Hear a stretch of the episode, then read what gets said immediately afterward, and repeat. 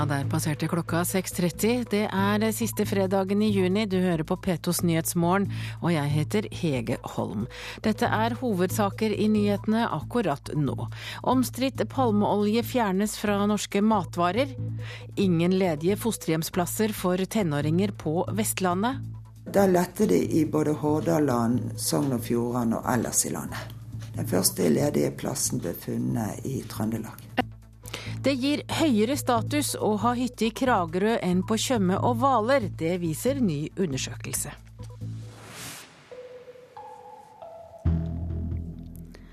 Ja, Vi skal først til EU, for de europeiske lederne vil bruke EUs redningsfond til å refinansiere kriserammede banker. Beslutningen ble tatt i løpet av natten i Brussel og er rettet eh, mot å hjelpe Spania, som har ønsket seg en redningspakke for å hjelpe bankene som sliter med høye lånekostnader.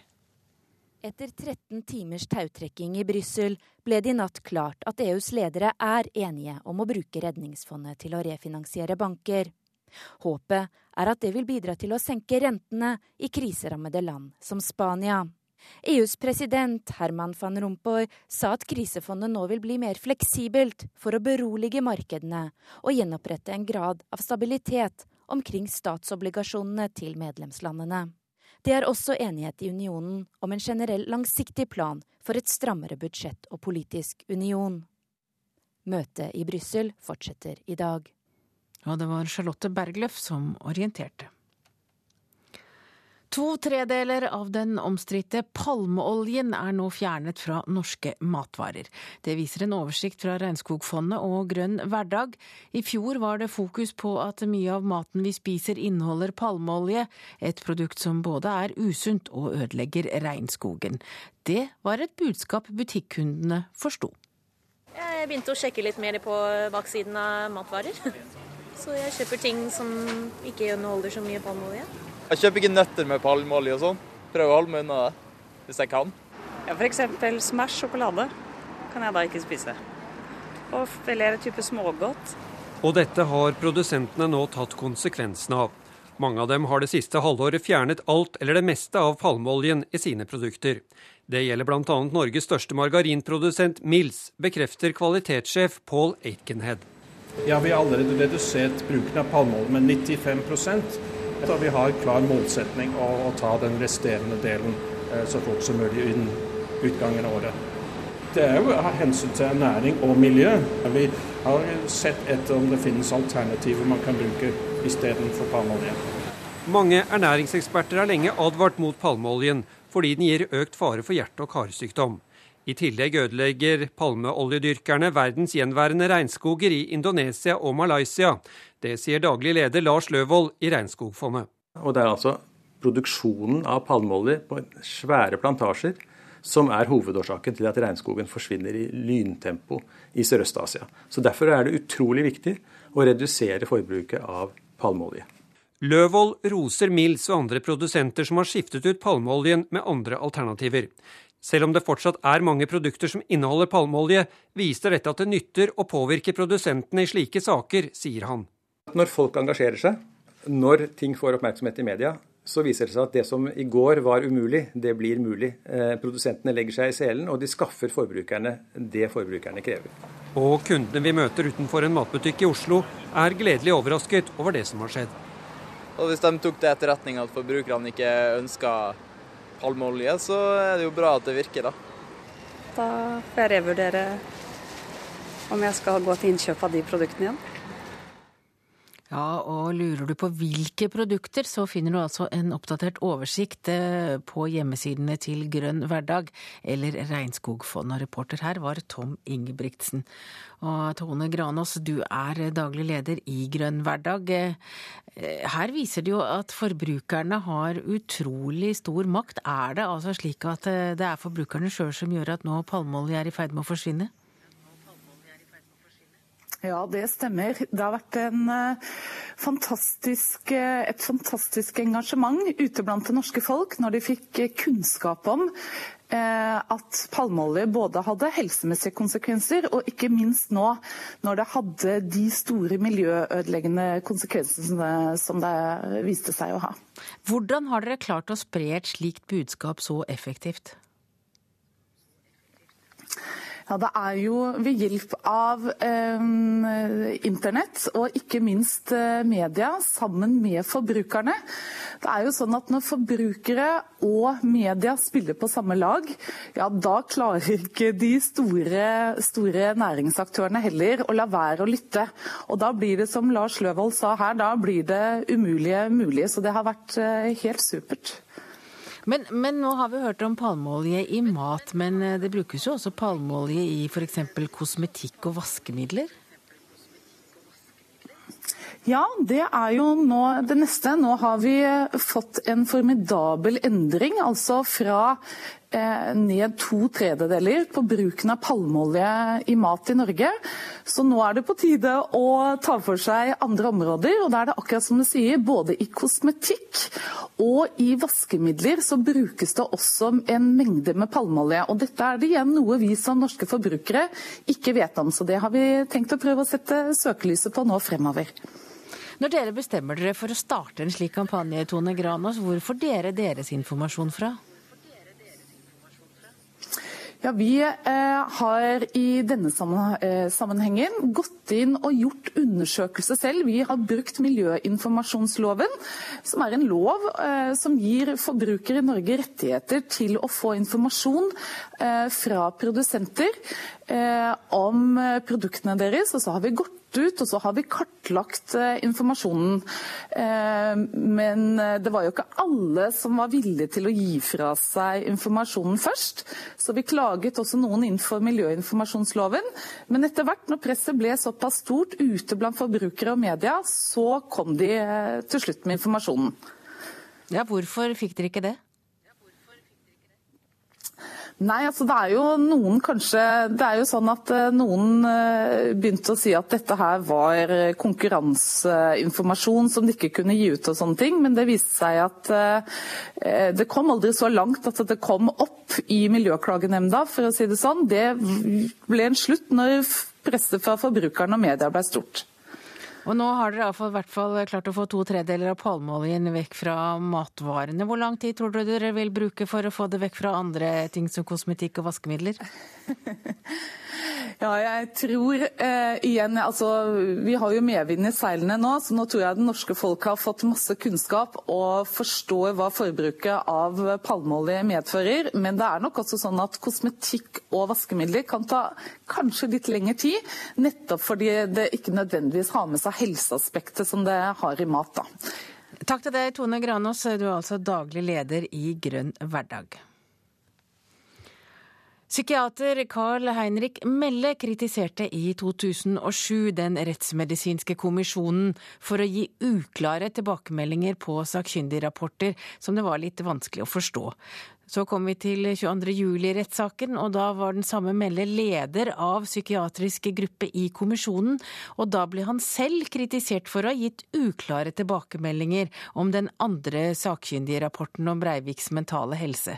Og i dag innrømmer Melle at hans utfall i 2007 var nok med på å svekke autoriteten til psykiatere det var vel en opplevelse at det kom en del uttalelser fra kommisjonen som ikke nødvendigvis var helt relevante i forhold til de rettspsykiatriske problemstillingene. I 2007, tre år før han selv ble medlem og leder av psykiatrisk gruppe, skrev Carl Heinrich Melle et brev til kommisjonen.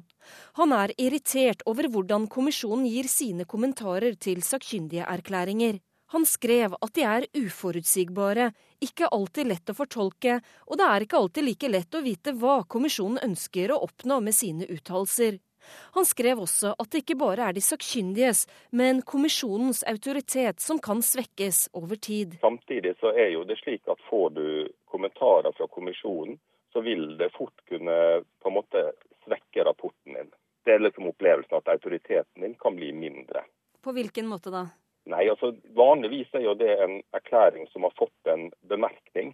Og litt av det som jeg var opptatt av når jeg skrev til, retten, nei, til kommisjonen, var jo dette var dette vesentlig bemerkning, eller var det det ikke. Og, og, det er klart En vesentlig bemerkning er viktig å ivareta. I 22. juli-rettssaken fikk de to siste sakkyndige, Terje Tørrisen og Agnar Aspås, bemerkninger til sin rapport av nettopp Melle, som ønsket en tilleggserklæring. Til den skrev kommisjonen at de tar tilleggserklæringen til etterretning. Men hva kommisjonen egentlig mente, var så uklart at dommer Lyng skrev et krast brev til kommisjonen og ba dem klargjøre. Da Melle forklarte seg under rettssaken, svarte han dette om kommentarene. Og det er helt klart at det er sånn I etterpåklokskapens strålende lys så burde vi ha skrevet den rettsmedisinske kommisjon tar den rettspsykiatriske tilleggserklæringen til etterretning, komma, men er fortsatt uenig. Det var det vi mente, men det var ikke det vi skrev. Opplever du den uh, saksbehandlingen som har vært i forhold til 22.07-saken som, uh, som klar? Det kan ikke uttale meg om. Spør meg når det foreligger en rettskraftig dom. Hva tenker du da om at uh, dommer Lyng ba, eller skrev et brev og ba om uh, å klargjøre hva kommisjonen egentlig mener? Det må jeg igjen da si at jeg kan ikke si mer enn det jeg uttalte meg om i retten under vitneførselen min.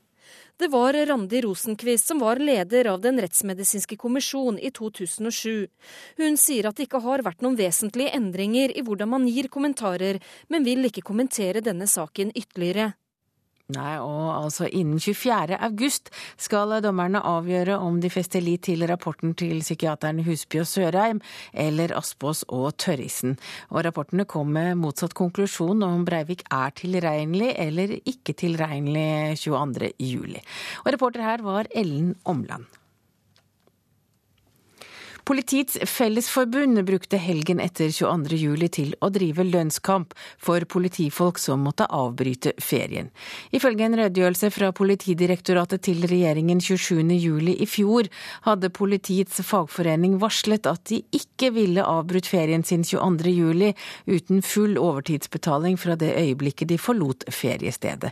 Ifølge Aftenposten skapte dette sterke reaksjoner bl.a. i regjeringen, og Arbeiderpartiets partisekretær Raymond Raimond Johansen sier at det ikke er tid for å forhandle om kompensasjon midt under en nasjonal krise. Lederen for Politiets Fellesforbund, Arne Johannessen, sier at dette er vanlig praksis ved ekstraordinære situasjoner. Fagforeningen Industri Energi ber nå myndighetene kutte aktivitetsnivået på norsk sokkel. Forbundsleder Leif Sande er bekymret for medlemmene sine, og han mener at den utstrakte overtidsbruken på norsk sokkel kan være en risiko for de ansatte. Og midt i oljestreiken har forbundet sendt bekymringsbrev til flere departement. Vi har et, et, press på oss nå som myndighetene må gå sta og gripe inn i. Forbundsleder Leif Sande i Industri Energi er bekymret for sine egne. Midt i oljestreiken sender Sande nå et brev til flere departementer, hvor han ber dem kutte ned på aktiviteten på norsk sokkel. For slik det er i dag, er nivået for høyt, og høyere skal det bli. Og det kan gå utover sikkerheten til de ansatte. Men vi registrerer jo nå at eh, investeringsnivået fra 2011 til 2012 øker med 40 milliarder, hele 30% og den aktiviteten det skal eh, skape, den skal dekkes innenfor de her eh, samme mannskapsressursene som allerede er der. Men Tror du medlemmene dine er fornøyd med å gå ned et par hundre tusen i lønn? Jeg er helt sikker på at veldig, de aller fleste syns det er greit å ikke ha press på seg til å jobbe så mye overtid. Påstandene fra arbeidsgiver OLF om millionlønninger får Sande til å tenne på alle plugger. For de høye lønningene er et klart resultat av for mye overtidsarbeid, og det forbundslederen kaller rovdrift på arbeidsstokken. Vi er opptatt av å beholde selvsagt de lønnsnivåene som vi har. Og folk kan ha en god og grei arbeidsplass, så de kan ha et langt og godt liv på uten å ødelegge seg og slite seg ut. Det er jo vårt mål. Det har aldri vært noe mål for oss at folk skal jobbe mest mulig overtid. Det er ingen grunn til å tro at det skulle bli et høyere aktivitetsnivå på norsk sokkel fremover. Sier OLF-direktør Gro Brekken. Vi er opptatt av at det skal være et jevnt og stabilt eh, aktivitetsnivå, og er derfor opptatt av at vi skal få tilgang på nye områder. Det er nødvendig for å opprettholde produksjonen, så det er det som er utfordringen fremover. Hun stiller seg uforstående til kritikken fra Industri Energi, og mener de ansatte på sokkelen har gode vilkår. Mange av ordningene for de ansatte på sokkelen er annerledes enn de er for ansatte på land, og ganske gode. Og det gir såkalte overtidstimer, men i realiteten er det bare at de må ta f.eks. kurs mens de har disse fire friukene sine. Og reporter her var Kent Amar Eriksen. Da har vi kommet til dagens ferske aviser. Sykehuset i Tromsø trenger 5000 liter mer blod, skriver Nordlys og forteller historien om Lillian på 25 år som ble reddet av blod fra blodbanken. Dagens Næringsliv forteller i dag at en leilighet i Stavanger på 21 kvadratmeter ble solgt for 1,9 millioner kroner. Kjøperen hadde ikke engang sett leiligheten før hun la inn budet. Og snart må du også betale bypris for bolig på Jæren, skriver Stavanger Aftenblad. De fem siste årene har boligprisene steget langt mer på Jæren enn i Stavanger. Dataproblemer lammer politiet, skriver Bergens Tidende. Statsadvokatene, domstolene og Politidirektoratet er advart om store dataproblemer. Investeringene i data er nær tredoblet på tre år, uten at det har gitt noe bedring. På forsiden av VG i dag angrer Adrian Prakon, en av de overlevende fra Utøya, på at han slo ned to personer i fjor høst. Han gikk på byen mens han ennå var i psykisk ubalanse, og nå må han møte i retten. Obamas triumf, skriver Dagsavisen på sin forside, og det dreier seg selvfølgelig om helsereformen som overlevde etter at Høyesterett i USA overraskende ga grønt lys til Obamas prestisjereform i går. Men eh, Dagsavisen skriver at det er langt fra sikkert at seieren hjelper Obama i valgkampen. Ny forskningsrapport viser at velferdsstaten blir utfordret av innvandring. Skatteviljen svekkes når forskjellene i befolkningen øker. Støtten til velferdsstaten kan ikke tas som en selvfølge, sier forsker Grete Brochmann til Klassekampen. Ja til kalorimerking, nei til helseadvarsel. Det er regjeringen som ikke vil merke alkoholholdige drikker med advarsel om helseskade. Det skriver Vårt Land. Hver fjerde kommune sliter med underskudd, skriver Nasjonen. 99 norske kommuner gikk i minus i fjor, og underskuddet må dekkes inn i løpet av få år. EM-sølv til Tonje Angelsen. Dette er bare starten, sier høydehopperen fra Heimdal til Adresseavisen. Og Dagbladet lokker i dag leserne med tips for å knekke flåtten. Vanlig myggmiddel virker også mot flått, skriver avisen. Og Sniff fikk klaff på første arbeidsdag. På sin aller første jobb avslørte valuta- og narkohunden Sniff verdensstjernen Snoop Dogg på Kjevik i går. Det skriver altså Fedrelandsvennen. Og Italia står i dag på hodet etter at de sikret seg finaleplass i Europamesterskapet i går. Mario Balotelli skåret begge målene for Italia i semifinalen mot Tyskland, og mens tårene trillet hos de tyske supporterne, laget Balotelli italiensk fotballfest. Italienske flagg vaier fra biler og mopeder i Italia i hele natt etter at de asurblå rundspilte Tyskland i den andre semifinalen i fotball-EM. Og det ble urokråka Mario Balotelli sin kveld, her 20 minutter ut i første omgang. Italia kommer nå med Casano inn i feltet mot Balotelli, og det er skåring! Mario Balotelli skårer for Italia! Og så, bare ett kvarter seinere, Lang ball fremover på Balotelli, som er alene med keeper. Kan gjøre 2-0, og gjør 2-0! Italia og Balotelli er på vei mot finalen. Og så ble mannen som er kjent for å være en hissig kranglefant med knallharde taklinger og mengder av gule kort, kveldens helt. Og så flekta han av seg skjorta etter 2-0-målet og fikk nok et gult kort. Men i kveld spiller det ingen rolle for italienerne. Eh, allora, abbiamo vinto diciamo, una partita, una tra quelle più importanti. Og søndag klokka 20.45 starter finalen mellom regjerende verdensmester Spania og Italia. En kamp de italienske tilhengerne er sikre på at de vinner. Om de spiller som de gjorde i går. Ja, og Mesut Özil reduserte for Tyskland like før kampslutt, men italienerne vant altså. Reporter her var Ragnhild Bjørge. Du hører på Nyhetsmorgen i NRK P2 og Alltid nyheter. Klokka er 6.49, og dette er hovedsaker i nyhetene. Omstridt palmeolje fjernes nå fra norske matvarer.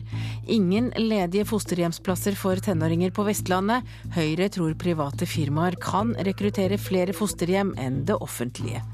Og følg med, så får du høre at etablert regissør gjør som nybegynnere og lager spillefilm til tre millioner kroner. Da skal vi snakke om ferieliv og ferieliv i eh, kystbyer på Østlandet. For ny forskning viser at ferie ikke bare er avslapping og nytelse, det er også et spill. Et symbolsk teater der folk vil vise hvem de er eller hvem de ønsker å være. For det gir nemlig status å ha hytte, båt og gjerne en dyr seiljakke. Nå skal vi sette dette som vi har kjøpt eh, på ferja som kjører over til Skåte. og så skal vi sette oss på tollboden og drikke caffè latte. Posene er stappfulle av deilig feriemat, og nytt hyttemøblement er kjøpt inn for ferien. Turistene skal kose seg og nyte alt de forbinder med skjærgårdsbyen Kragerø. Jordbær og verdens koseligste by, som er Kragerø. Og smale gater og eh, Sol, sommer og bading. Turer i smaua i byen. Shopping i butikkene. Mye hygge. Eh, varme og sol. Ja, avslapning. Men ikke alle klarer å nyte ferien til fulle. For første gang er det forska på ferieliv i Kragerø. Jørgen Hove og Tor Kjetil Garåsen ved Telemark museum har samla forskninga i en ny bok. Og det var noe som overraska dem. Ferie er ikke bare avslapping og nytelse, men det er faktisk et eh, spill som foregår. Et slags eh, symbolsk teater som foregår i, i løpet av ferien hvor folk ønsker å eh, vise hvem de er, eller hvem de ønsker å være. På hvilken måte da? Nei, De ønsker å skape seg en identitet, og de ønsker kanskje å skape seg en status som er litt annerledes enn den er i hverdagen, og kanskje gi ferielandet også en mulighet for å få en litt høyere status enn man har til daglig. Du har kanskje en flottere hyttetomt enn sjefen, f.eks. Og veldig mange må ha seiljakke. Seiljakke? Ja, seil. Hvorfor det? Kragerø er seiljakkebyen fremfor noe. Eh, hvis du kommer til Brevik og Langesund f.eks., så er det nesten ikke en seiljakke å se. Mens eh, rundt blindtarmen her så er det fullt med seiljakker, selv om det er 20-25 grader. For det første er det mote, og du ønsker å vise at du er ferierende. Og du ønsker å vise at du har romslig økonomi ved å gå i seiljakke. Boka har delt inn hyttefolket og turistene i ulike ferielivstyper. Selv om mange tror noe annet, er det flest av de tradisjonelle norske middelklasseferierende typene. Disse her som eh, virkelig viser seg med store, flotte hytter og store båter, det er liksom stereotypien som man går rundt med og som man tror alle er, men det er eh, bare et lite fåtall. Men den vanligste tror jeg er nok den som vi har kalt for den eh, eh sosialdemokratisk ferierende. Det viser de sånn nokså alminnelige mennesker i nokså enkle hytter, som lever et eh, nokså vanlig, alminnelig liv, egentlig, og gjør det på hytta òg. Både bemidlede oslofolk og intellektuelle kunstnere etablerte seg i Kragerø på 2030-tallet, og trakk dermed også andre turister til kystperlen. Nå firedobles innbyggertallet hver sommer. Skjærgården yrer av båtliv, og hytteidyllen er noe de fleste nå bare kan drømme om å ha råd til i Telemarks sørligste kommune. Og årsaken, det er status. Ja, det eh, mener vi har registrert, og det registrerer også meglerne. Så eh, De sier jo det at eh, hvis en hytte bare ligger litt innenfor grensen til Bamble f.eks., så faller interessentene fra. Hvorfor er det sånn? Nei, det er det at du kan si hjemme der hvor du bor, at du har hytte i Kragerø. Hva slags naboskap du har, hvem som bor rundt osv. Og, så og som du da på en måte blir sittende litt i glansen av. Det også er noe som driver statusen opp. Hvem da, f.eks.? Nei, jeg skal jo ikke nevne noen navn, men du har jo Du gjør det. Gamle. Du har jo familien eh, Bergesen har jo vært her lenge, f.eks. Eh, og du har jo en del av vår tids eh, mer fremtredende forretningsfolk som har sine hytter. Og det gir nok en sånn liten ringvirkning til andre også. Ja, og Det sa altså Tor Kjetil Garåsen, som eh, ble intervjuet av Solfrid Leirgull Øvrebø i Kragerø. Det fem år gamle forbudet mot svartebørssalg av konsertbilletter virker, konstaterer Forbrukerombudet. Men utenlandske nettsider er det vanskelig å stoppe, og de selger fortsatt billetter til norske konserter og festivaler til ulovlig overpris. Ukespass til Øyafestivalen ble forsøkt solgt for opptil 3000 kroner over den opprinnelige prisen.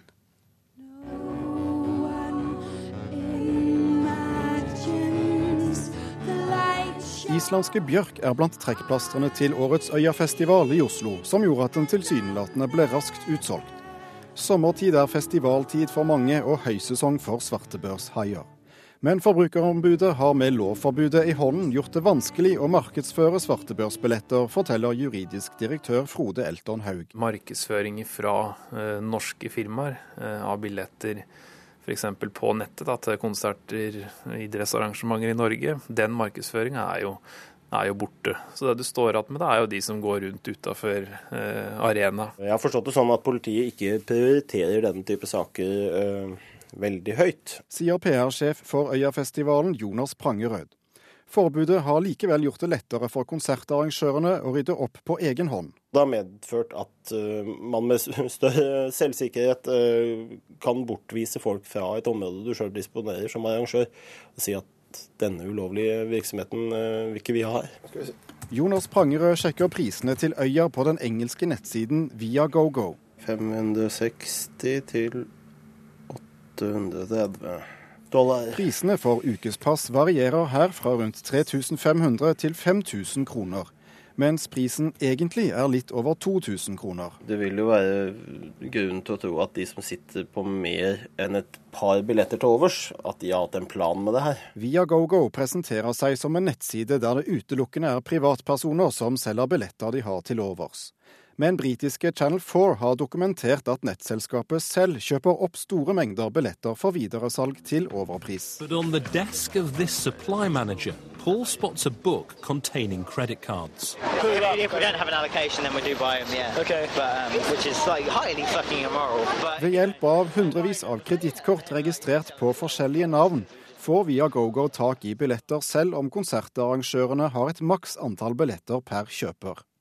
Frode Elton Haug sier Forbrukerombudet har gjort det de kan for å stoppe nettsiden, men kan ikke lenger annet enn å anbefale publikum å holde seg borte fra den. Vi har jo sendt eh, brev til Viagogo og bedt dem slutte med dette her. Viagogo nekter jo å innrette seg frivillig, da. og da står vi med den utfordringa å få, få, tvinge dem til å gjøre det. Og Det blir vanskelig så lenge de ikke har noe eh, svartebørsforbud i eh, Storbritannia.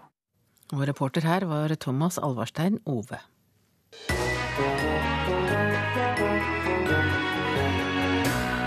Hvilket krydder er hovedstaden i Oman? Og hvor gammel er egentlig euroen? Det er quiz i Radioselskapet alle hverdager i sommer. Send navnet ditt på SMS til 1987, kodeord 'Selskapet', så kan du bli med i Selskapslekene og vinne DAB-radio og kokkekniv. Selskapslekene klokken 11 i P2.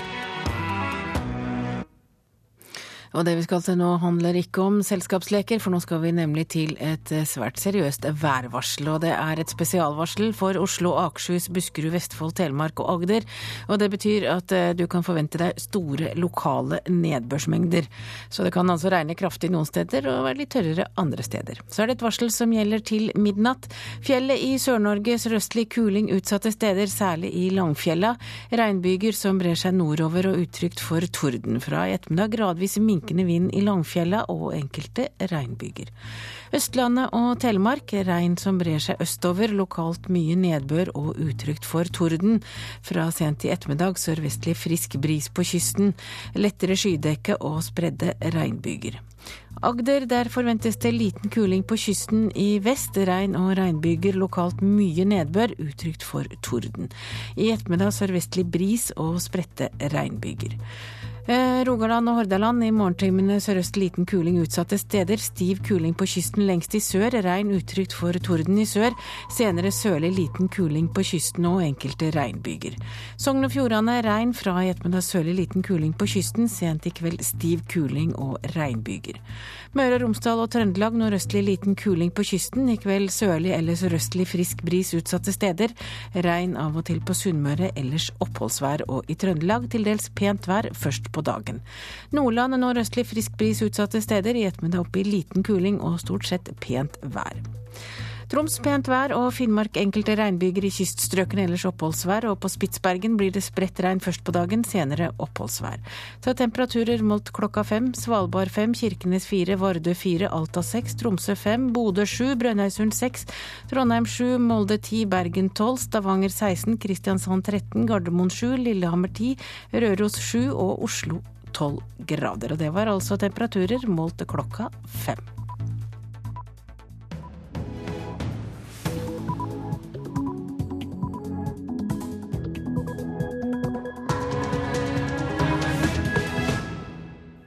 Klokka er sju, du hører på Nyhetsmorgen og jeg heter Hege Holm. Her er en nyhetsoppdatering. De europeiske lederne er enige om å bruke Redningsfondet til å refinansiere banker. Likelønnssatsingen i staten virker, det sier statsråd Rigmor Aasrud. Vi har redusert gapet i statlig sektor de siste åra. Eh, det har vi gjort fordi vi har hatt fokus på det gjennom eh, lønnsoppgjøra. Omstridt palmeolje blir nå fjernet fra norske matvarer, det takket være forbrukerne og media, sier Tone Granås i Grønn hverdag. Når forbrukere og media spiller på samme lag, ja da klarer ikke de store, store næringsaktørene heller å la være å lytte. USAs justisminister er i hardt vær etter våpenskandale i Mexico. Det gir høyere status å ha hytte i Kragerø enn på Tjøme og Hvaler, det viser undersøkelse.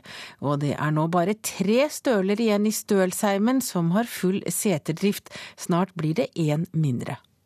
Mjølk, ost og smør har blitt laga på de mange stølene, men de siste åra har stølene stilna én etter én.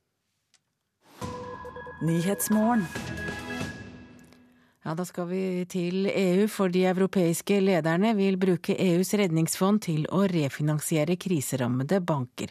Beslutningen ble tatt i løpet av natten i Brussel og er rettet som hjelp mot Spania, som nå har ønsket en redningspakke for å hjelpe bankene som sliter med høye lånekostnader. Og europakorrespondent Hege Moe Eriksen, eh, du er med oss fra Brussel. Hva betyr nattens avgjørelse i praksis? Ja, dette er helt klart en stor seier for kriserammede land som Italia og Spania. Med Italias statsminister Mario Monti i spissen så har de presset beinhardt på for å få hastetiltak som kan få ned skyhøye lånerenter som de har hatt den siste tiden. Det har de nå klart. Tiltakene som EU i går bestemte seg for, innebærer altså to ting. Det betyr at EUs krisefond på nær 500 milliarder euro nå direkte direkte kan gå inn og rekapitalisere europeiske banker. Og ikke minst så kan også krisefondet kjøpe opp italiensk og spansk gjeld, noe som altså kan bidra til å få ned eh, lånerentene. Så nå har de altså fått eh, noen verktøy som kan bidra til å roe ned situasjonen, fordi situasjonen har vært akutt i Spania og Italia den siste tiden. Pga. krisa så har finansmarkedene straffet dem med renter opp mot 7% på lån til disse landene og det er mye mer enn Spania og Italia kan klare å bære på lang sikt. Hvor oppsiktsvekkende er denne avgjørelsen? Ja, Den er oppsiktsvekkende fordi Tyskland alltid har motsatt seg tiltak som innebærer at tyske skattebetalere må risikere mer penger. Det er Tyskland som er den største økonomien i eurosonen, og som da er den største garantisten for lån som gis til kriserammede land i sør. Og mektige Angela Merkel vet at det er dårlig innenrikspolitikk å risikere mer av skattebetalernes penger. Derfor har hun alltid vært steil motstander av tiltak som innebærer nettopp dette. Men nå er situasjonen i Spania og Italia blitt så akutt at det virker som man her har funnet et slags levelig kompromiss. Og det er en, likevel en seier for landet i sør, som da har presset på for å få tiltak mot et Tyskland som i økende grad har fremstått som mer og mer isolert i Europa. Og Samtidig som de gir denne krisepakken, så, så vedtar jo også EU-lederne at nå vil de skape vekst. Hvilken virkning har det at EU-lederne vedtar at nå vil de ha vekst? Ja, Dette er jo også noe som har vært veldig i fokus, for mange har vært bekymret for at man var i ferd med å spare seg til fant med det tyske spareregimet. Og I går så ble EU-lederne enige om en vekstpakke til en verdi av 120 milliarder euro, eller altså i nærheten av 900 milliarder kroner. Det er penger som skal brukes til investeringer i infrastruktur og skape arbeidsplasser. Men analytikerne har ikke latt seg imponere av beløpet. Det er mange penger. men hvis man man ser på eurosonen som ett, så er det ikke så mange penger. Og I tillegg så er det for det meste gamle penger. Eh, penger som har vært der gjennom allerede eksisterende prosjekter. Slik at det er få analytikere som tror at dette vil ha noe særlig betydning, og at det kan snu eh, nedgang til oppgang. Takk til deg, europakorrespondent Hege Mo Eriksen. Og inn i studio har jeg akkurat fått utenriksminister Jonas Gahr Støre. Og som vi hører er altså de europeiske lederne er nå enige om å bruke Redningsfondet til å refinansiere banker. Overrasker det deg? Uh, nei, det overrasker meg egentlig ikke, men det viser jo det at uh, det fortsatt er i EU-møter at de samles for å ta beslutninger om den krisen som nå rammer enkeltland. Eh, og de bruker jo her en mekanisme som har vært omtalt i mediene litt eh, i det siste. Det er riktig som Hege Moe Eriksen sier at dette er eh, det blir diskusjoner om det er nok, om det løser dette problemet kortsiktig, om det gir tillit tilbake igjen til både land og markeder om at nå er bankene tryggere. Det er et annet spørsmål som ikke jeg skal spekulere i. Men sånn sett har de iallfall vist at de kunne ta et viktig tiltak. Men det er noen dype strukturelle spørsmål som ligger under her. Og vi får en, fra alle disse møtene nå en kombinasjon av en diskusjon om hvordan du kortsiktig redder land som er veldig utsatt, og hvordan du langsiktig bygger et Europa som kan håndtere denne type ubalanser. Men nå har vi jo sett hvordan det har gått i Hellas. Og der er det jo blitt bevilga krisepakke på krisepakke, og man snakker om at nå, nå, snur det, nå snur det. Og vi vet vel ennå ikke om det snur i det hele tatt, så hvordan kan vi vite at dette kommer til å virke i f.eks. Spania? Nei, det kan vi ikke vite. Eh, og det er klart at for Spania å betale rente på de lånene som staten må ta opp, som er sånn opp mot 6-7% det regnes jo for å være helt på grensen til hva som er mulig. Altså Lenger nord i Europa så betaler man jo nesten negativ rente for at en stat kan låne, eller iallfall veldig lite. Eh, og det er fordi at det er tillit til at der er økonomien eh, i orden. Så dette er tror jeg, er det fundamentale spørsmålet som blir drøftet i dag i EU, nemlig en plan som lederne i de ulike EU-institusjonene legger fram, som vil ta opp mot ti år for å lage en komplett økonomisk og politisk union. Det som egentlig var målet og på tegnebrett på slutten av 80-tallet, men som av politiske kompromisser ikke ble eh, innført da euroen kom. Så jeg tror vi fortsatt står overfor den utfordringen, som er den langsiktige. Hvordan bygger du politikk rundt en felles valuta som kan være eh, stabil og ikke bli utsatt for disse veldige svingningene. Og så må jeg selvfølgelig stille spørsmålet om annerledeslandet Norge. Hvordan påvirker utviklingen i Europa vår økonomi? I første rekke så må vi være veldig klar over at vi eh, selger 80 av eh, det vi selger ut av landet til dette markedet. Går det dårlig i disse landene, så er det dårlig for norsk eksportindustri. Det er nå det første helt umiddelbare. Usikkerhet i vårt viktigste marked eh, rundt finansinstitusjoner, banker osv. kan slå inn i forhold til Norge. Men dypest sett så er det jo alvorlig at Norges nærmeste partnere og allierte, mange av dem, sliter med problemer som er svært alvorlige politisk altså ubalanse i det politiske systemet. Eh, Hellas er jo ikke til stede på dette møtet med sine ledere fordi at de etter nyvalget er syke. Det er nå sikkert riktig, men det er jo en illustrasjon for at det er politikken vel så mye som de økonomiske indikatorene det er noe feil med. og Det bør også bekymre også oss i Norge. Du får en fremvekst av um, politiske bevegelser i møte med høy ungdomsarbeidsledighet osv. som alle i Europa bør være opptatt av. Og det kommer vi helt sikkert tilbake til mange ganger med deg i studio. Takk til deg, utenriksminister Jonas Gahr Støre. Da skal vi snakke om eh, kvinner og lønn, for nå virker likelønnssatsingen. Det mener statsråd Rigmor Aasrud. Ferske lønnstall viser at unge kvinner som starter i ny jobb i staten, tjener mer enn eh, de som har vært der et helt yrkesliv. Vi har sett at vi har redusert gapet i statlig sektor de siste åra. En skulle tro de som har jobba et langt yrkesliv, tjener bedre enn de som kommer inn i sin første jobb. Men Ser du på kvinners samla lønn i staten, så tjener kvinner som kommer inn, bedre enn de som går ut. Vi har hatt fokus på det gjennom eh, lønnsoppgjøra, tariff, hvordan vi har eh, organisert og lagt tilleggene i, i lønnsoppgjøra. Og at eh, man da får nytilsatte som får høyere lønn. Menn som begynner i staten, tjener mindre enn eldre menn. Likelønna er altså på vei for en ny generasjon kvinner, tror Aasrud. Jeg tror ikke det er tilfeldig. Jeg tror fokuset som vi har hatt på likelønn, bidrar til nettopp de resultatene. Mm, det virker. Ja. Der er en uh, viss framgang, men det går seint. Unio-leder Anders Folkestad har vondt for å se det store likelønnsspranget i lønnsstatistikken fra staten. Kvinner som nå går inn i staten, har høy utdanning, Eh, og høy kompetanse. Kvinner som går ut, har lavere kompetanse. Han tror dermed den viktigste forklaringa er det eksempelet vi finner på en uterestaurant i Oslo. Lillian Lindberg, 61. Mor. Eh, videregående, realarsiv fra 1971. Anne Lindberg. Og datter. 30 år. Jurist. For mor var det naturlig å ikke ta høyere utdanning.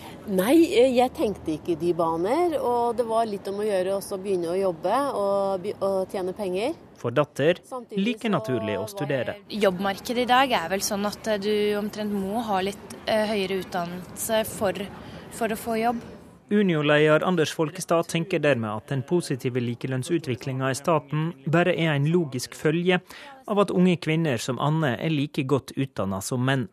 Altså har det med samfunnsutviklinga å gjøre. Det er store skillnader i kompetansekravene og utdanningskravene til de som nå kommer inn, i forhold til de som eh, går ut. Så disse strukturendringene har nok større utslag enn de enkelte små tariffgrepene. Administrasjonsminister Rigmor Aasrud mener derimot lønnsstatistikken i staten er et resultat av bevisst politikk de siste åra, og at moderne kvinner tør å kreve god lønn.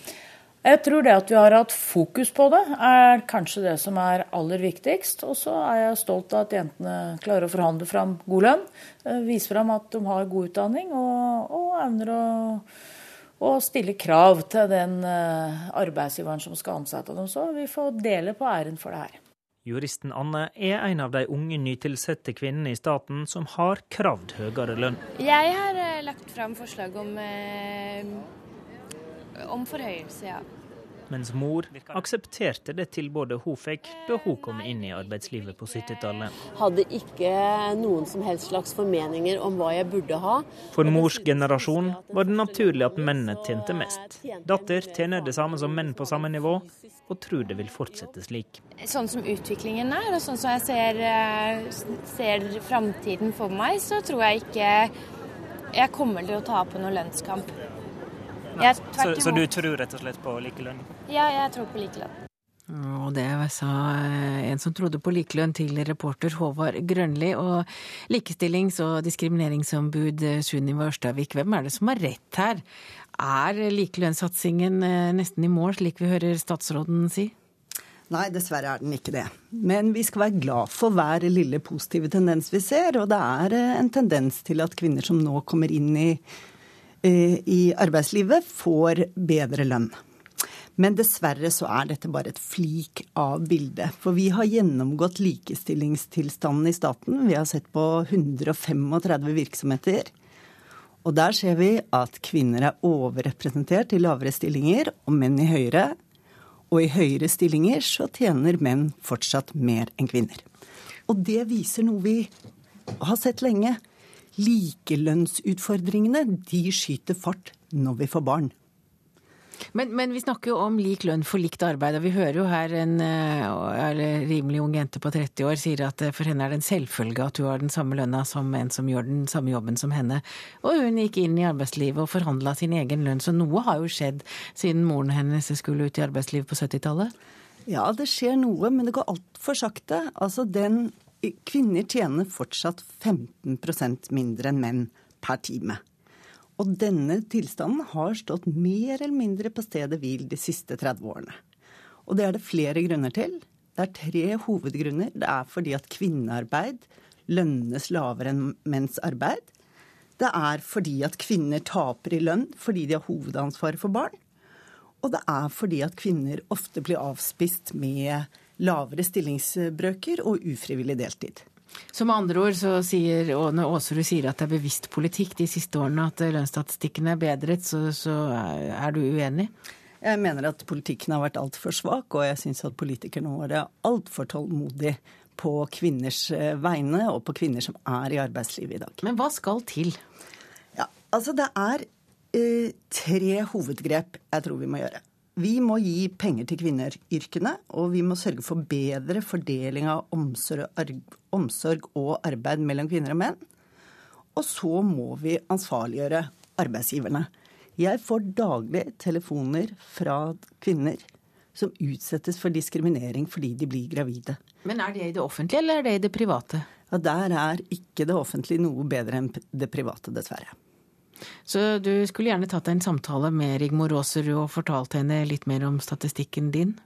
Det vil jeg gjerne gjøre. Jeg har bedt om et møte med den gjennomgangen jeg har gjort av statens virksomheter, og jeg gleder meg til vi skal få en god samtale om det store likelønnsløftet vi er nødt til å få. Og så føler jeg at du kommer igjen og snakker om akkurat det samme neste år. Takk til deg, likestillings- og diskrimineringsombud Sunniva Ørstavik. Politiets Fellesforbund brukte helgen etter 22.07 til å drive lønnskamp for politifolk. Ifølge Aftenposten ville forbundet ha overtid fra det øyeblikket hver enkelt måtte reise fra feriestedet. De skal også ha truet Politidirektoratet med å fraråde medlemmene å avbryte ferien. Leder Arne Johannessen bekrefter til NRK at de krevde overtid fra første minutt. Ja, Det var eh, flere debatter som var oppe, og det var ett av de temaene som var oppe. Men eh, som jeg sier, det aller aller viktigste fokuset for oss det var å få raskest mulig mange politifolk eh, til å stille opp som var på ferie. Svært mange avbrøt ferie. De stilte frivillig opp. Og eh, da er det soleklart at de kan ikke sitte med ekstra rekning og eh, store utgifter i tillegg. Mange de hadde familier som satt på ferie i utlandet, og eh, de sjøl avbrøt ferien. Så vi var ute etter å få minimalisert eh, de økonomiske belastningene. Nevnte dere at det kunne bli aktuelt å fraråde politifolk å avbryte ferien? Som jeg sa, vi hadde kun fokus på å få folk til å stille så raskt som mulig, og det var fokuset vårt. Og dette utspillet skal ha skapt sterke reaksjoner i regjeringen. Arbeiderpartiets partisekretær Raimond Johansen sier til Aftenposten at det ikke er tid til å forhandle om kompensasjon midt under en nasjonal krise. Klokka er 16 minutter over sju. Du hører på Nyhetsmorgen i NRK P2. Dette er hovedsakene akkurat nå. De europeiske lederne er enige om å bruke Redningsfondet til å refinansiere banker. Omstridt palmeolje forsvinner ut av norske matvarer, og Italia er i fotball-EM-finalen. Urokråka Super Mario ble den store helten. Og så skal vi snakke om eh, USA, for USAs justisminister anklages for forakt for Kongressen. I går vedtok et flertall i Representantenes hus at justisminister Erik Holder har holdt tilbake informasjon om et svært mislykket våpensalg til Mexico. Demokratene raser, og, demokratene raser og mener at saken er et forsøk på å sette president Barack Obama i et dårlig lys før valgkampen are 255, the nays are 67, one member voting present. The resolution is agreed to. Med 255 stemmer for og 67 mot ble resolusjonen i går vedtatt. USAs justisminister anklages nå for ringeakt. Bakgrunnen for striden er et føderalt politiprogram ved navn Operasjon Fast and Furious. Formålet med operasjonen var å spore våpen som var solgt i Arizona, og som man hadde mistanke om at var smuglet til narkotikakarteller i Mexico. Ifølge tall fra Justisdepartementet kom over 68 000 av 90 000 våpen som var beslaglagt i Mexico mellom 2007 og 2011, fra USA. Justisdepartementet benektet først at det fantes en operasjon som tillot at våpen ble solgt til Mexico, men trakk senere påstanden. Det gjorde republikanerne mistenksomme. Justisminister Eric Holder har forklart at han har forsøkt å samarbeide med Kongressen siden han ble klar over operasjonen, men hevder at han har blitt motarbeidet. I går stormet rasende demokrater ut av Representantenes hus da avstemningen startet. Demokratene mener det hele er en svertekampanje mot president Barack Obama før valget til høsten. This is uh, a, a day for uh, the uh, House of Representatives. Uh, what uh, this is uh, decide for sure, but it certainly is not about Eric Holder or holding back documents. Dette er en forferdelig dag for Representantenes hus.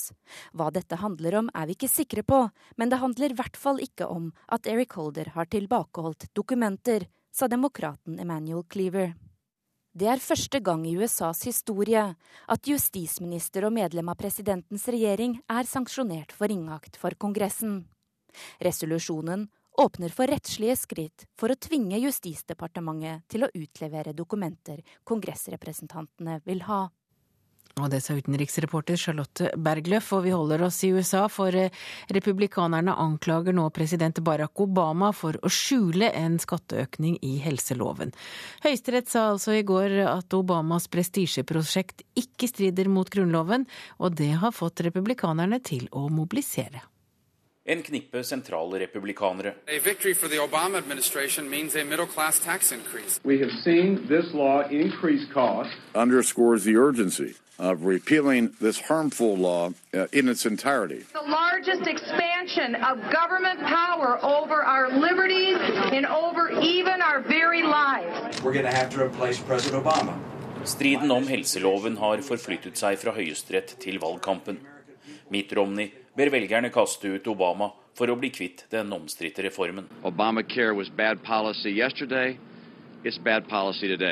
Med fem mot fire stemmer er Barack Obamas største innenrikspolitiske prestasjon intakt, og med den en stor del av arven hans.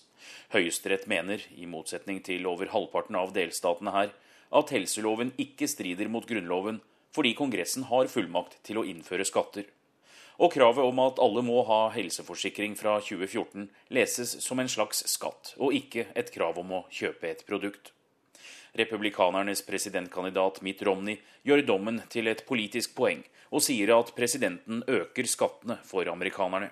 Obamacare raises taxes on the American people by approximately 500 billion dollars. Demokratene innrømmer at skattene kommer til å øke for noen, men at målet er å hindre gratispassasjerer som utnytter helsesystemet og er med på å øke helseutgiftene for dem som betaler.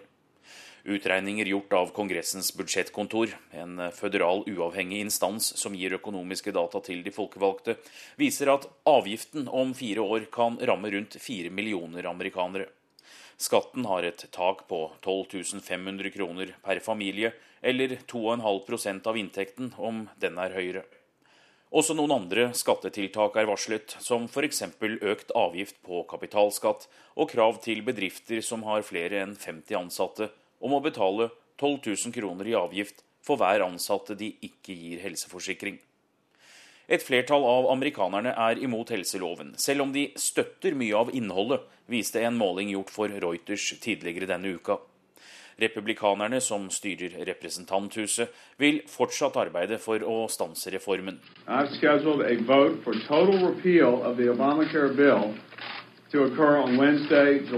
Majoritetsleder Erik Cantor sier de innkaller til en avstemning om to uker for å tilbakekalle helseloven men avstemningen 11.7 kommer ikke til å bli vedtatt i det demokratstyrte senatet. Konservative velgere samler seg nå rundt Mitt Romney. I timene etter høyesterettsdommen fikk kampanjen hans inn over 3 millioner dollar i donasjoner, ifølge Politico. 18 millioner norske kroner. En av de konservative gruppene, Americans for Prosperity, varslet samtidig at de vil bruke 9 millioner dollar på reklame som angriper helsereformen i de viktigste delstatene der Romney og Obama ligger gjemt. Avgjørelsen kan også få uavhengige velgere til å støtte Romney. Ifølge målingen for Reuters er tre av fire uavhengige velgere imot helseloven. Usikkerhetsmomentet er at det er lenge til november og presidentvalget. Anders Tvegård, Washington. Og da har vi kommet fram til en avisrunde her i Petos Nyhetsmorgen. Sykehuset i Tromsø trenger 5000 liter mer blod, det skriver Nordlys og forteller historien om Lillian på 25 år som ble reddet av blod fra blodbanken. Dagens Næringsliv forteller at en leilighet i Stavanger på 21 kvadratmeter ble solgt for hele 1,9 millioner kroner. Kjøperen hadde ikke engang sett leiligheten før hun la inn bud. Og snart må du betale bypris også for bolig på Jæren, skriver Stavanger Aftenblad. De fem siste årene har boligprisene steget langt mer på Jæren enn i Stavanger. Dataproblemer lammer politi, skriver Bergens Tidende. Statsadvokatene, domstolene og Politidirektoratet er nå advart om store dataproblemer for politiet. Investeringer i data er nær tredoblet på tre år, uten at det har gitt noen bedring. På forsiden av VG i dag angrer Adrian Prakon, som er en av de overlevende fra Utøya, at han slo ned to personer i fjor høst. Han gikk på byen mens han ennå var i psykisk ubalanse. Nå må han møte i retten. Ny forskningsrapport viser at velferdsstaten blir utfordret av innvandring. Skatteviljen svekkes når forskjellen i befolkningen øker. Støtten til velferdsstaten kan ikke tas som en selvfølge, sier forsker Grete Brochmann til Klassekampen. Ja til kalorimerking, nei til helseadvarsel. Det er regjeringen som ikke vil merke alkoholholdige drikker med advarsel om helseskade. Det skriver Vårt Land. Hver fjerde kommune sliter med underskudd, skriver Nasjonen. 99 norske kommuner gikk i minus i fjor. Underskuddet må dekkes opp i løpet av få år. Og EM-sølv til Tonje Angelsen. Dette er bare starten, sier en lykkelig høydehopper fra Heimdal til Adresseavisen. Og Dagbladet lokker i dag leserne med tips for å knekke flåtten. Vanlig myggmiddel virker også mot flått, skriver avisen. Og Sniff fikk klaff på første arbeidsdag.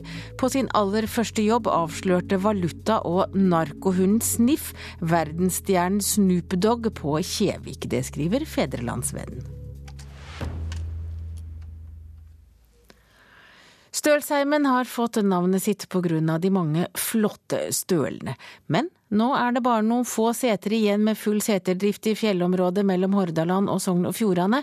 I Høyanger blir dette siste sommeren med melkende geiter i høyfjellet.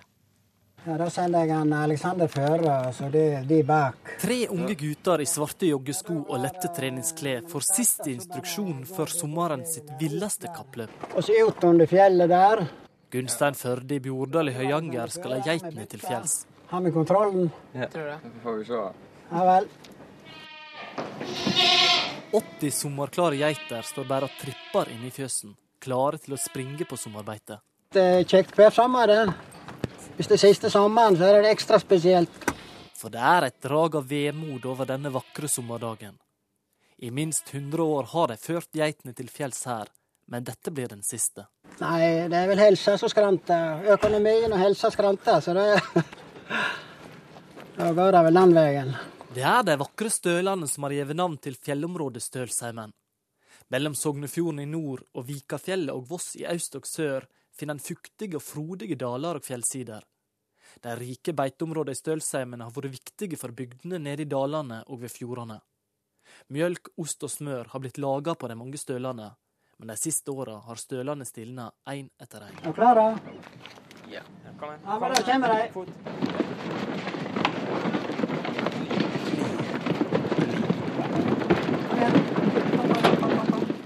Med raske, vante steg springer en svart og hvit flokk oppover fjellsida. De tre ungdommene halser etter, medan bonden sjøl dirigerer. Nei, bare gå rett opp der, du nå.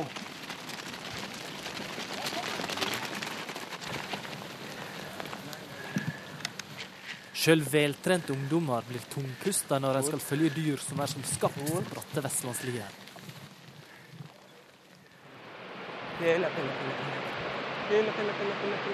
Ja, kom. Kom, kom, kom, kom, kom, kom, kom, kom, kom, kom.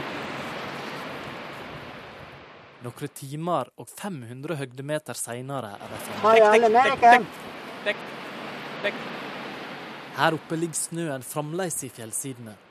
Men skogen er i ferd med å overta det som tidligere var beitemark. Det er gode beiteområder til geiter her, og delvis sauer delvis. Det kommer til å gro igjen hvis de ikke har Ja, det er klart det gjør det. Hvis det ikke blir beist, så gror det fort igjen. Altså, først kommer jo masse tett i tett med sånn småkratt, så det blir jo helt uframkommelig. Det får være ei fattig trøyst at i de fem kommunene rundt Stølsheimen er det to bønder igjen med full stølsdrift etter årets sesong. Men for sønnen Alexander Førde er det uaktuelt å overta. Ja, da måtte det ha vært en del mer penger i, tror jeg. Så det er, det er voldsomt kjekt å være i ei uke eller to i løpet av sommeren. Det finnes det ikke bedre plass. Men å være hele året og det er så lite lønnsomt, da, det er slitsomt. Hvordan er det for deg å, å vite det, at det på en måte kanskje blir dette siste sommeren for, eh, for en sånn plass? Dette? Nei, det er på ingen måte kjekt. Jeg har jo vært med og hjulpet til uh, de gangene jeg var hjemme. og vært med fra jeg var liten. Totalt så jeg var på Stølen i 57 år. Det er klart at det er jo, det er jo litt vemodig. Ja, og reporter i Stølsheimen var Terje Gillesammer. Du hører på Nyhetsmorgen i NRK P2. I den neste halvtimen får du Dagsnytt med Tor Albert Frøsland, og der skal det handle om EU-toppmøte og kvinnelønn, blant annet. På søndag er det presidentvalg i Mexico. Det får du høre mer om etter Dagsnytt. Jeg heter Hege Holm, produsent for Nyhetsmorgen er Jean Erik Bjørnskau.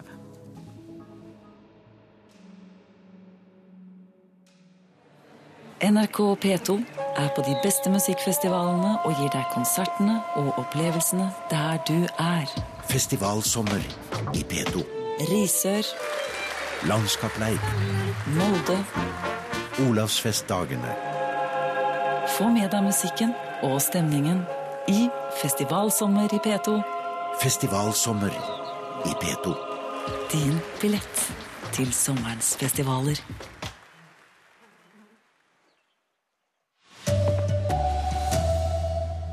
Politikere fra kriserammede europeiske land ble enige i natt. Nå skal banker med tomme pengebinger få hjelp. Yngre kvinner vinner lønnskampen i staten. Og Italia til finalen i fotball-EM. Urokråka Super Mario ble den store helten. Her er NRK Dagsnytt, klokken er 7.30.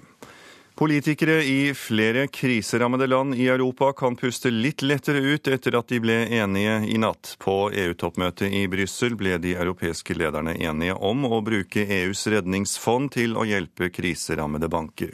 Europakorrespondent Hege Mo Eriksen, hva betyr dette?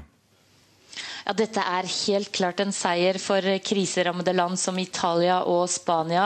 Med Italias statsminister Mario Monti i spissen så har de presset beinhardt på for å få til hastetiltak som kan få ned skyhøye renter som de har på sine lån.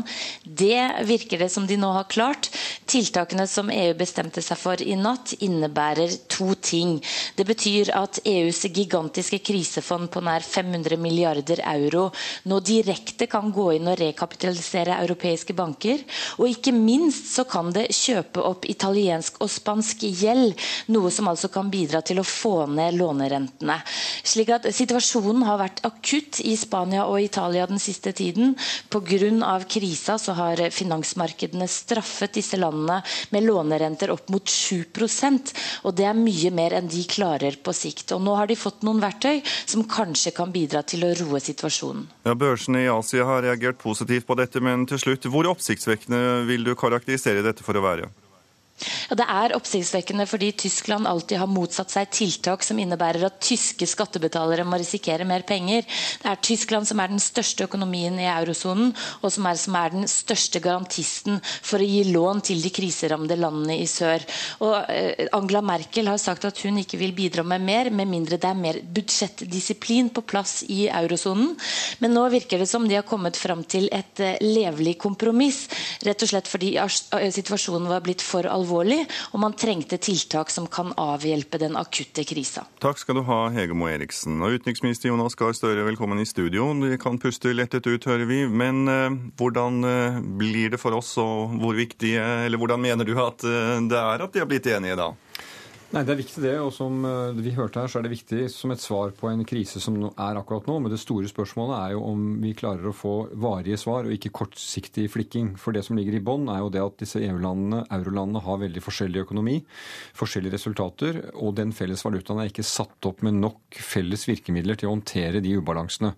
Det som er vedtatt i dag, er et akutt tiltak mot krise i noen sørlige land. Det er ikke et svar på det store spørsmålet. Det blir debattert i dag, og det er det vi virkelig må følge med, for der kan vi få presentasjonen av et ganske annet EU enn det vi har kjent til nå. Og Hvordan vil dette påvirke oss her hjemme på Bergen?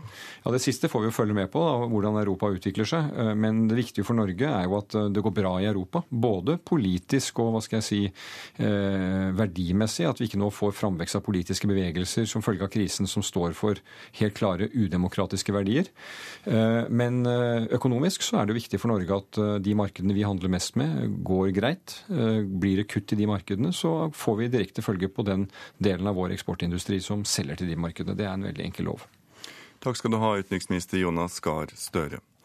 Nå virker likelønnssatsingen. Det mener statsråd Rigmor Aasrud. For tall viser at unge kvinner som starter i ny jobb i staten, tjener mer enn de som har vært der et helt yrkesliv. Aasrud tror kvinner er i ferd med å ta igjen menn. Lillian Lindberg, 61. Mor. Eh, videregående, realarsu fra 1971. Anne Lindberg. Og datter. 30 år jurist. Det er stor forskjell på det arbeidslivet de to har gått inn i på hver sine tidspunkt. Vi har sett at vi har redusert gapet i statlig sektor de siste åra. Sier administrasjonsminister Rigmor Aasrud. Jurist Anne har nylig starta i statlig jobb i Nav. Kvinner som henne tjener bedre enn de som avslutter karrieren i staten.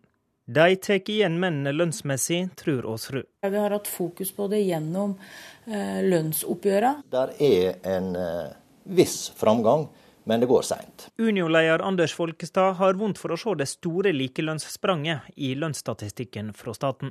Han tror forklaringa ikke er Aasruds likestillingssatsing, men forskjell i utdanning mellom generasjonene.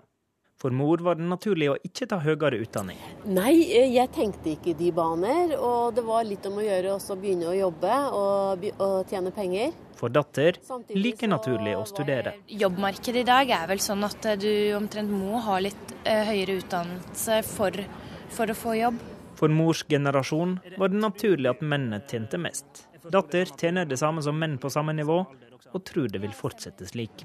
Sånn som utviklingen er, så tror jeg ikke jeg kommer til å tape noen lønnskamp. Så du tror rett og slett på likelønn? Ja, jeg tror på likelønn.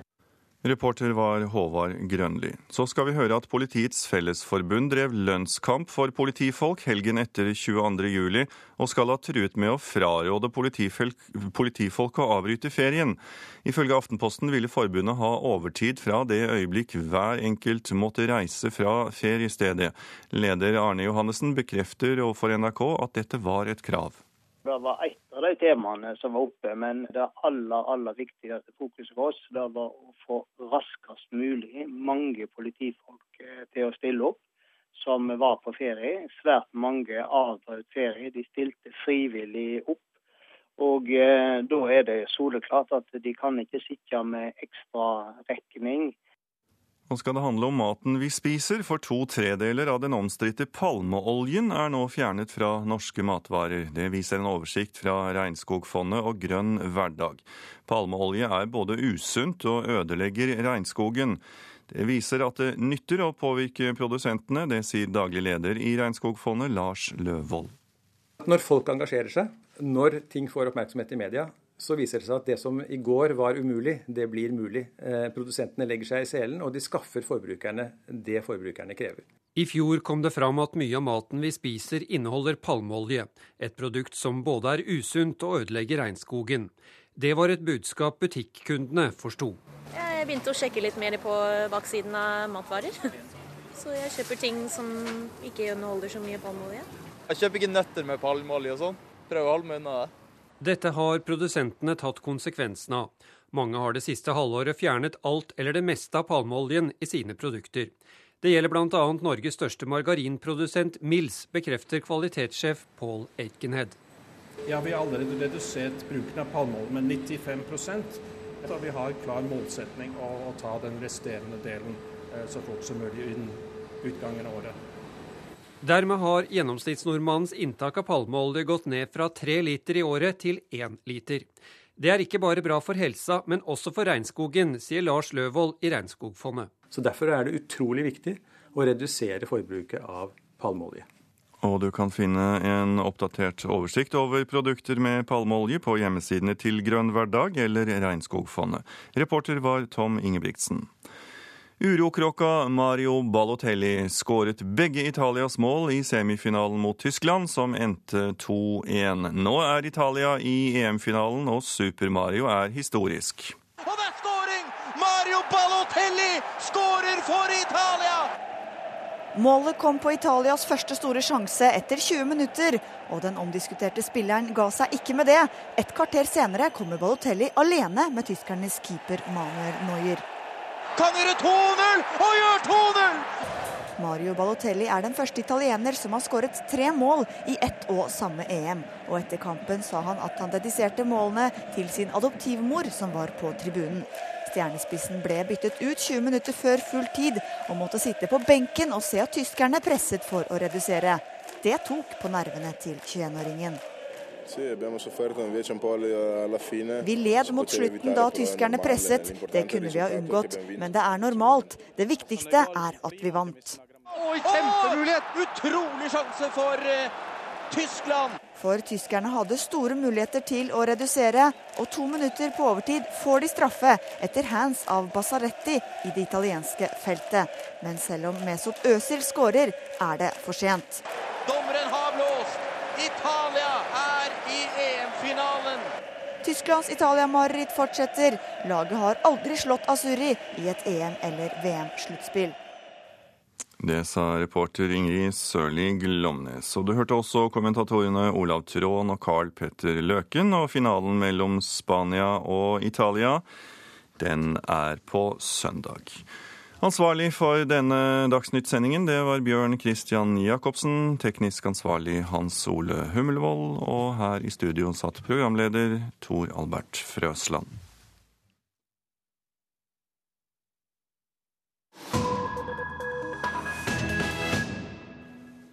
Du hører på P2s Nyhetsmorgen klokka er ti minutter over halv åtte, og vi skal til Mexico. For på søndag er det presidentvalg i Mexico, og ifølge meningsmålingene blir Enrique Peña Nieto fra det institusjonaliserte revolusjonære partiet PRI Mexicos neste president. Og tidligere Latin-Amerika-korrespondent Joar Hoel Larsen har sett nærmere på hvem denne mannen er. Fue justamente el momento del despertar de los jóvenes y de lo, mostrar su participación dentro de este proceso. Insisto, lo que da muestras claras del vigor y vitalidad de nuestra Han er 45 år og en pen mann. Han har skuespillerkone og TV-tekke, og leder såpass solid på de fleste meningsmålinger at mye tyder på at den neste presidenten for de rundt 115 millioner innbyggere i Mexico heter Enrique Peña Nieto. Spørsmålet er hva kan en slik flåttenfeier tilby de fattige meksikanske massene? Og det kan du svare på, Benedicte Bull, førsteamanuensis ved Senter for utvikling og miljø ved Universitetet i Oslo.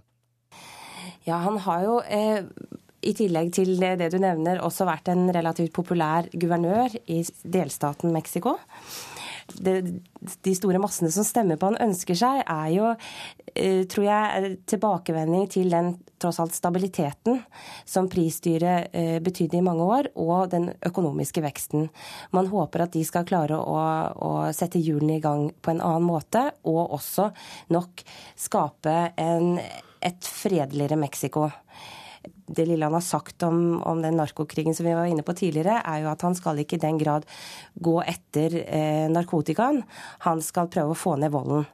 Mange tror det innebærer at de vil gå i allianser med kartellene. Han nekter for det, men det, man håper vel på at staten igjen skal vinne kontrollen over, eh, over kartellene og over økonomien som man en gang har hatt.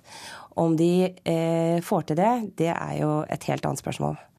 Peña Nieto representerer PRI, altså det institusjonaliserte revolusjonspartiet som hadde makten i Mexico i 70 år. PRI var et gammeldags og topptungt parti som hadde full kontroll og til tider var sterkt autoritært. De rettferdiggjorde sine ofte udemokratiske metoder og midler med at de helliget målet, nemlig PRI-styret. 45-åringen som nå kanskje fremstår som vinner av presidentvalget i Mexico, er en moderne politiker som representerer en annen tid. Og PRI skal være både reformert og fornyet etter at de mistet makten for tolv år siden. Hva tror du om dette angivelige nye Pri, Benedicte Bull? Det er det vel eh, ganske delte meninger om. Det er nok mye som tyder på at de gamle gutta sitter og, og trekker i trådene uh, også bak Peña Nieto, og at det ikke har vært så store reformer innad i partiet. Men Mexico har jo forandret seg ganske mye på de tolv årene. Og en av de tingene som er forandret, er at Mexico er mye mer desentralisert. PRI var jo et parti som styrte en hierarkisk føderalstat, hvor de hadde kontroll overalt. PRI har jo fortsatt uh, styrt i mange delstater. Så de har jo ikke vært helt ute av bildet. Men, men det er en, et helt annet institusjonelt apparat som de nå overtar enn det de forlot for eh, tolv år siden. Og så tror jeg at eh, mange meksikanere er ganske forandret. At de stiller andre krav til myndighetspersoner enn en det man gjorde den gangen. Men eh, det kan nok godt være at man får tilbake mye av de samme strukturene som man hadde tidligere. Om en åtte-ni timers tidsforskjell vil de første prognosene først foreligge ved disse tider mandag morgen. Og du hører på Petos Nyhetsmorgen, og dette er hovedsaker i nyhetene akkurat nå. De europeiske lederne vil bruke redningsfondet til å refinansiere banker. Unge statsansatte kvinner tjener mer enn dem som har vært der et helt yrkesliv, og to tredeler av den omstridte palmeoljen er nå fjernet fra norske matvarer. Og klokka er snart kvart på åtte. Det betyr Politisk kvarter, og det betyr at du er kommet til studio, Lars Nehru Sand. Dette er den våren det var så bratt i Europa? Eller den våren det var så lett for nordmenn å streike for å rope etter mer. Selv ikke politikerne forstår alvoret av europakrisen, sier Arbeiderpartiets partisekretær.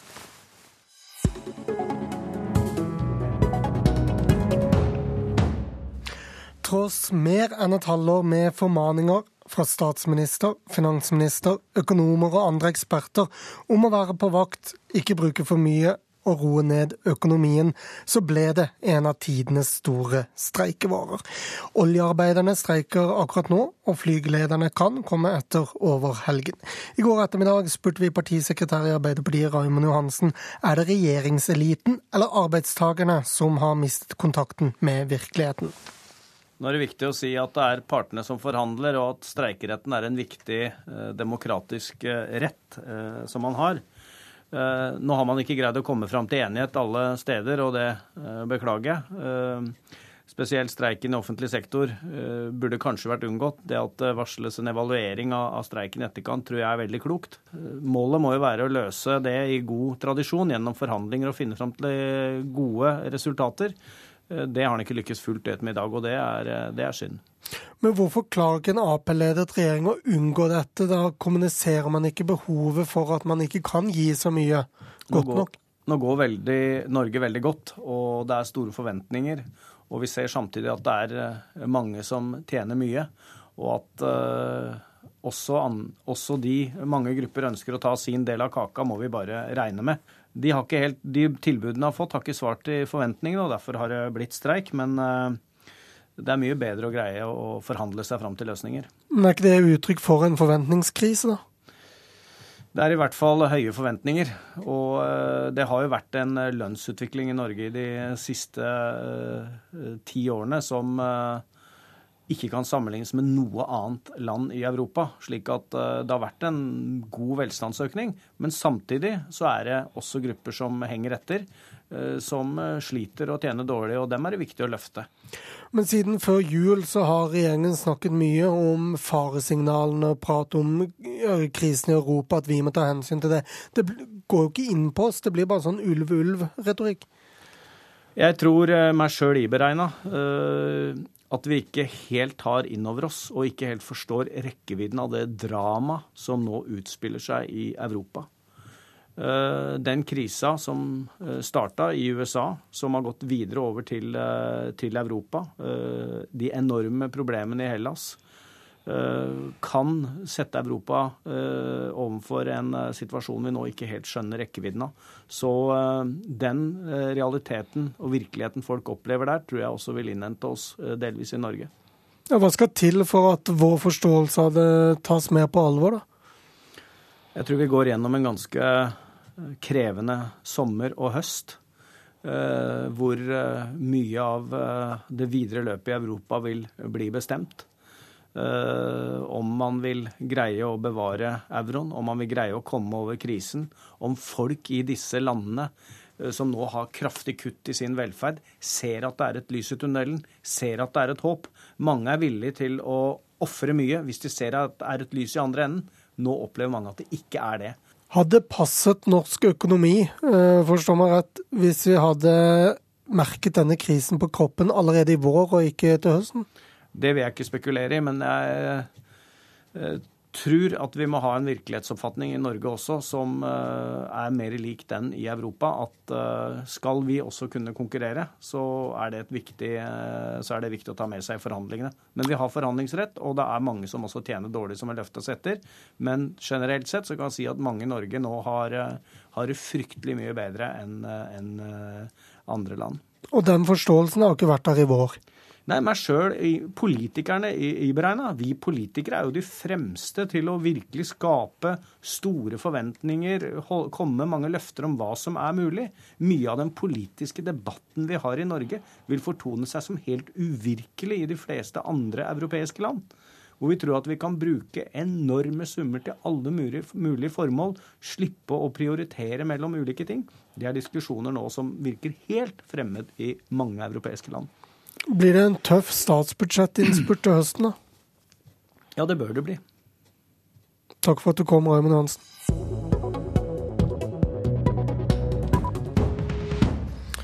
Så til finanspolitisk talsmann i Arbeiderpartiet, Torgeir Micaelsen, som er her i studio nå for å reklamere for opposisjonens skattenivå fra 2004.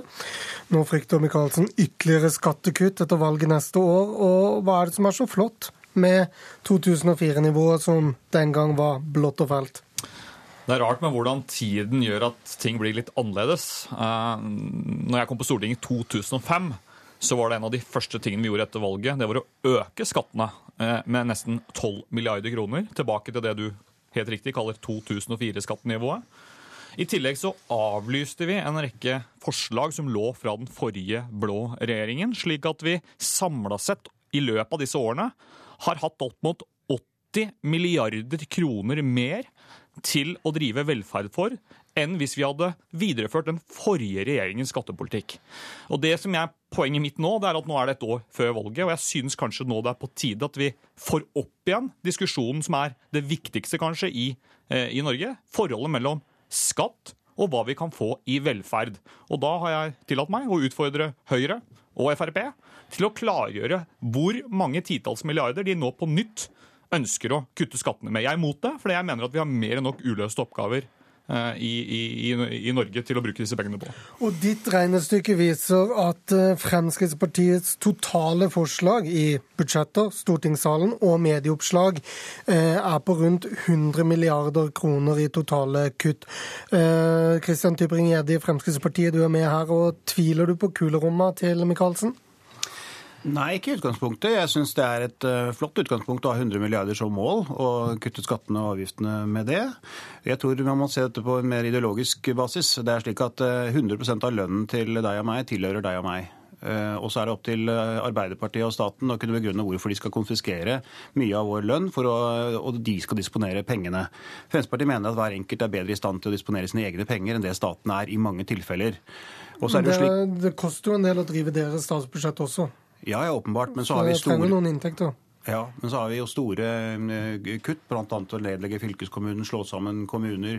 Vi ønsker å ned, eh, nedprioritere overføring til landbruket, sløse mindre i bistand, slik at vi skaper mer vekst i, i utviklingsland osv. Og, så videre, og en rekke andre områder som er mange milliarder kroner også i, i kutt. Det er Fremskrittspartiet. Det er lavere skatter og offentlig inngrep. Gunnar Gunnarsen i Høyre, du er med oss fra Elverum. og 100 milliarder som mål, sier Tybring-Gjedde her.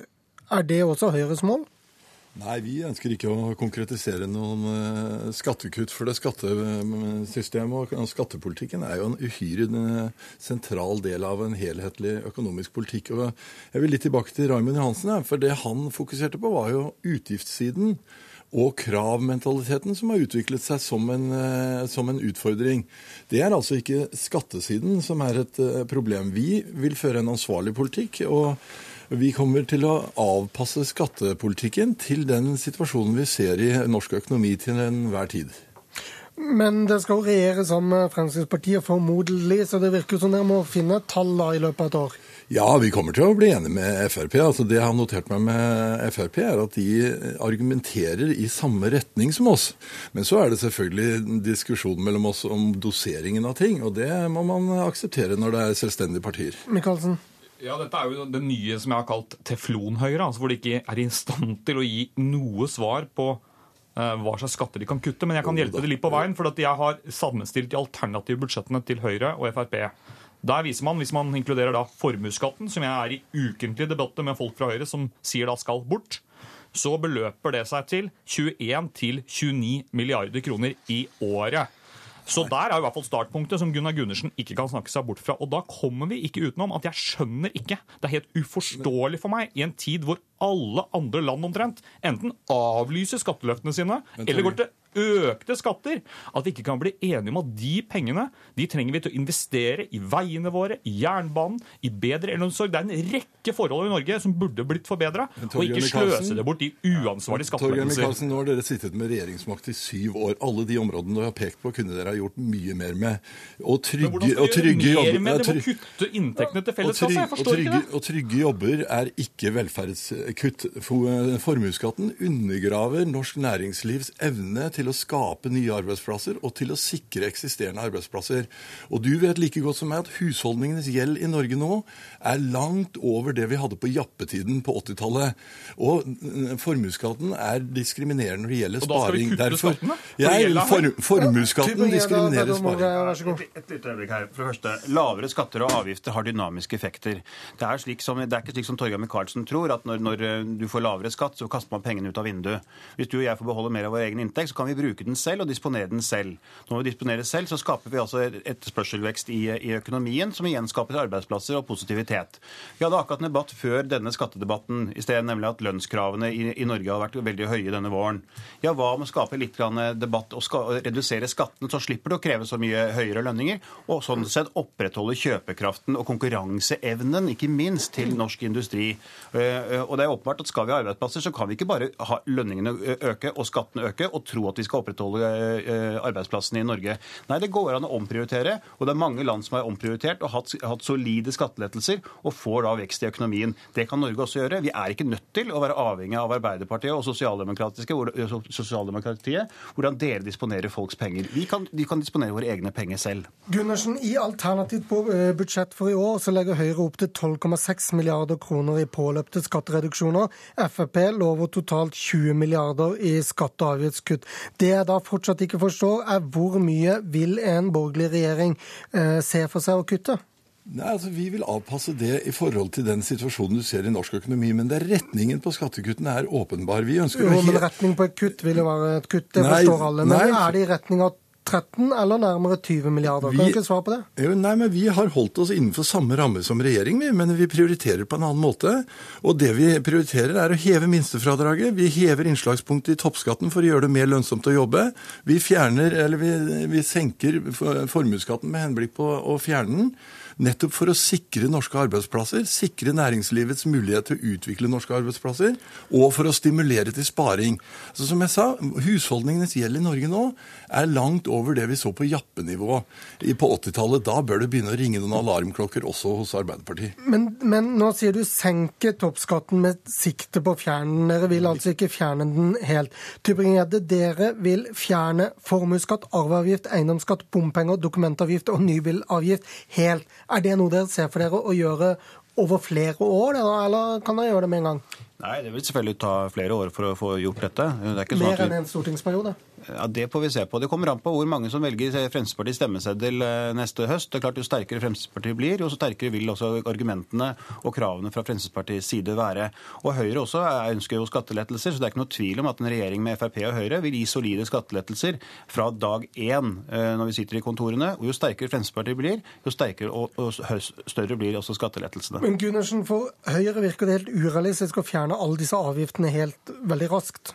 Ja, arveavgiften har vi som førsteprioritet. Den fjerner vi også. Så der er vi helt på linje med Frp. Men som sagt, doseringen kommer vi til å måtte diskutere. Men det er jo noe, det er jo den samme diskusjonen som de har på rød-grønn side hele tiden. Det, vi vet jo at SV er langt mer skattekåte enn Arbeiderpartiet. Så, så, den debatten må man jo akseptere mellom selvstendige partier. Men vi, vi har altså samme retning på det vi ønsker i politikken. Da har du i hvert fall fått avklart noe, Michaelsen. Ja, det høres jo i hvert fall det er klart tale fra Frp. Og det, det, som nå er helt nytt i norsk politikk, er jo at Høyre for første gang har åpnet for å sitte i regjering med Frp, og også forhandle om den økonomiske politikken med eh, Christian Tybring-Gjedde, som vil kutte skattene med opp mot 100 milliarder kroner i løpet av noen år, eh, og har et helt annet syn på handlingsreglene. Og de tallene som Gundersen nå peker på, altså, og, og, som du også antydet, programleder, så er jo ikke, der er jo bare 3 av 14 milliarder i formuesskatten kutta. Og jeg er jo som sagt i ukentlige debatter med masse folk fra Høyre og Frp som sier de skal fjerne formuesskatten. Det er hovedprioritering. Og nå nikker også Christian Tybring-Gjedde i studio. Så da må man jo ligge til det. Hvis ikke så blir jo ambisjonene svært puslete på vegne av næringslivet, slik Gundersen sier. Og da kommer man ikke utenom det fundamentale valget som også verdens rikeste land må ta, må ta høyde for. Det er et forhold mellom hvor mye penger du er villig til å finansiere kontra hvor mye velferd du får. Og der er det bare sånn, Gundersen, du kan bare si det så mye du vil, men en av grunnene til at dere tapte valget i 2005, så det sang etter, det var at dere underfinansierte offentlig velferd og kutta skattene massivt. Det er ikke en god medisin for Norge. Da må jeg si takk til dere til Torgeir Micaelsen fra Arbeiderpartiet, Kristian Tybring-Gjedde fra Frp og Gunnar Gundersen fra Høyre.